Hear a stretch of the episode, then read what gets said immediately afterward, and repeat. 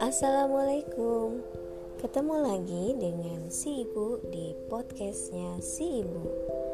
Di episode kali ini Si ibu ingin membawakan cerita tentang tokoh-tokoh besar Atau ulama-ulama besar yang harusnya kita kenal Karena jangan sampai kita sebagai seorang muslim terutama para milenial lebih kenal dengan tokoh tokoh-tokoh animasi atau tokoh-tokoh hayalan imajinasi ketimbang tokoh-tokoh di dalam Islam yang sebenarnya mereka uh, patut dicontoh. Baik di episode perdana si ibu punya cerita si ibu ingin mengawali dengan kisah uh, Imam Malik. Mungkin kita di sini sudah sering mendengar nama Imam Malik, salah satu imam besar. Namun kita tidak tahu detail bagaimana uh, sosok seorang Imam Malik, kenapa beliau juga begitu dikagumi oleh imam-imam besar lainnya, imam mazhab besar lainnya. Ya, uh, ibu akan mulai saja uh, menceritakan kisah uh, Imam Malik. Imam Malik radhiyallahu anhu beliau lahir pada tahun 93 Hijriah di kota Madinah Al-Munawwaroh. Imam Malik e, menghafal Al-Quran sejak dini, sebagaimana kebiasaan keluarga Muslim pada zamannya. Lalu dia menghafal hadis. Saat dia mengutarakan keinginannya kepada ibunya untuk mencari ilmu, ibunya kemudian memakaikan kepadanya pakaian yang paling bagus dengan surban di kepalanya. Lalu ibunya berkata, "Pergilah ke Robiah dan belajarlah adab atau akhlak sebelum ilmunya. Imam Malik pernah bermulazamah atau belajar secara terus-menerus kepada Ibnu Hurmus selama tujuh tahun sejak awal pertumbuhannya. Ia pernah mendengar Ibnu Hurmus berkata, "Sudah sepantai, sudah sepantasnya seorang alim mewariskan kepada para murid-muridnya perkataan saya tidak tahu. Karena itulah, menurut Ibnu Wahab, saat banyak pertanyaan dipertanyakan kepada Imam Malik, dia tidak malu untuk berkata, "Saya tidak tahu." Imam Malik adalah orang yang sangat memperhatikan adab saat menghadap guru-gurunya. Dia pernah bermulazamah kepada Nafi, pembantu Ibnu Umar, dan berkata, "Saya mendatangi Nafi pada tengah hari. Saya tidak dinaungi pepohonan dari sengatan matahari. Saya menunggu lama keluarnya beliau. Saat beliau keluar, saya biarkan dulu beberapa saat seakan saya tidak melihat beliau. Kemudian saya menemui beliau, mengucapkan salam kepada beliau dan membiarkan beliau sampai masuk ke dalam. Baru saya berkata, bagaimana perkataan Ibnu Umar tentang masalah ini dan itu. Seraya beliau menjawab, saya serius mendengarkan. Setelah Imam Malik menyempurnakan belajarnya tentang atsar atau hadis dan fatwa, dia mulai mengajar di Masjid Nabawi untuk mengamalkan ilmunya pada umur 17 tahun.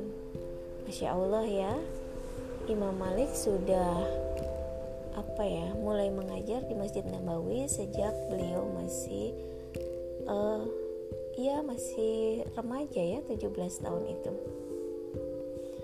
Terkait itu, Imam Malik radhiyallahu anhu pernah berkata, "Tidaklah saya berfatwa kecuali disaksikan oleh 17 masyaikh dari kalangan para ulama bahwa saya berhak untuk itu. Imam Malik radhiyallahu anhu memiliki kebiasaan baik dalam menghadiri majelis ilmu. Dia selalu tampil rapi, berpakaian bagus dan berhias untuk menghadiri majelis ilmu. Karena itu, dia tampak berwibawa dan berbeda dengan yang lainnya. Imam Malik sangat berkomitmen dalam berfatwa. Ia selalu berhati-hati, berpikir mendalam, dan tidak tergesa-gesa dalam berfatwa. Terkait ini, Imam Malik pernah berkata, "Siapa saja yang ingin menjawab pertanyaan, hendaknya dia memikirkan nasibnya di neraka dan surga, serta bagaimana dia selamat di negeri akhirat." Masya Allah. Banyak ulama memuji Imam Malik. Sufyan bin Uyainah semisal berkata, saya tidak melihat Madinah kecuali akan rusak setelah wafatnya Imam Malik bin Anas. Imam Syafi'i juga berkata, jika para ulama disebut disebutkan, maka Imam Malik adalah bintang atau pakarnya. Siapa saja yang menginginkan hadis sohih hendaknya menemui Imam Malik. Ahmad bin Hambal berkata, Malik adalah imam dalam ilmu dan fikih, ilmu hadis dan fikih. Al-Qadi Iyad pun berkata, Imam Malik adalah rujukan satu-satunya sejak bertahun-tahun yang lalu. Banyak hal yang menarik terkait terkait sikap Imam Malik terhadap ilmu.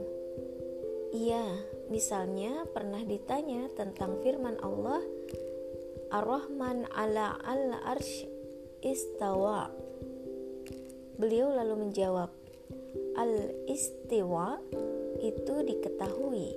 Adapun caranya bagaimana ia tidak diketahui. Beritanya e, bertanya tentang itu adalah bid'ah. Imam Malik tak pernah sedikit pun menyepelekan ilmu.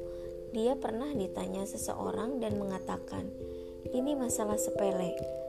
Mendengar itu, Imam Malik marah dan berkata, "Bagaimana bisa dikatakan sepele? Ilmu itu tidak ada yang sepele. Tidakkah engkau mendengar firman Allah Subhanahu wa taala yang artinya, sesungguhnya kami akan menurunkan kepada kamu perkara yang berat?" Sehingga semua ilmu itu berat, khususnya yang akan ditanya pada hari kiamat.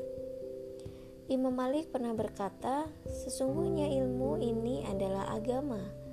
Karena itu, perhatikanlah dari siapa kalian mengambil agama kalian." Itu juga pernah dia juga pernah bertutur, ilmu itu bukan e, dengan menghafal banyak riwayat, akan tetapi ilmu itu adalah cahaya yang Allah tanamkan di dalam kalbu. Ia pun pernah memberikan nasihat, janganlah mengambil ilmu dari empat jenis orang, tetapi ambillah dari selain mereka. Jangan mengambil ilmu dari orang-orang bodoh yang terang-terangan menunjukkan kebodohannya, meski dia yang paling terpandang di hadapan manusia. Jangan pula dari orang yang didominasi hawa nafsu dan kepentingannya yang menyeru manusia sesuai dengan hawa nafsu dan kepentingannya. Jangan pula dari pendusta yang banyak berdusta di hadapan manusia, meski kamu tidak menganggap dia mendustakan Rasulullah Wasallam. Jangan pula dari orang tua yang ahli ibadah dan memiliki keutamaan jika ia tidak memahami apa yang ia bicarakan. Imam Malik menerima hadis 900 dari 900 guru 300 dari tabi'in, 600 dari tabi tabi'in. Imam Malik lalu menyusun kitab uh, Al-Muwatta yang menghimpun 100 ribu hadis, masya Allah. Kitab ini diriwayatkan uh, tak oleh lebih dari seribu orang. Imam Malik adalah ulama yang tidak menjilat penguasa diriwayatkan dalam sebuah kunjungan ke kota Madinah untuk menziarahi makam Rasulullah SAW, Khalifah Bani Abbasiyah Harun ar-Rasyid tertarik mengikuti kajian Al-Muwatta Imam Malik. Untuk itu, khalifah mengutus Yahya bin Khalid al-Barmaki untuk pemanggil Imam Malik. Namun Imam Malik menolak untuk mendatangi hilaf khalifah seraya berkata kepada utusan khalifah itu, "Al-ilmu yuzar wala yazur, yuta wala ya'ti." Ilmu itu dikunjungi, bukan mengunjungi. Didatangi, bukan mendatangi. Akhirnya terpaksa Khalifah Harun al-Rashid mengalah. Dia lalu mendatangi Imam Malik dan duduk di majelisnya. Sang Khalifah pun akhirnya mengikuti kajian Imam Malik dan duduk berdampingan dengan rakyat kecil. Ya, itu uh, sepenggal kisah tentang ulama besar Imam Malik.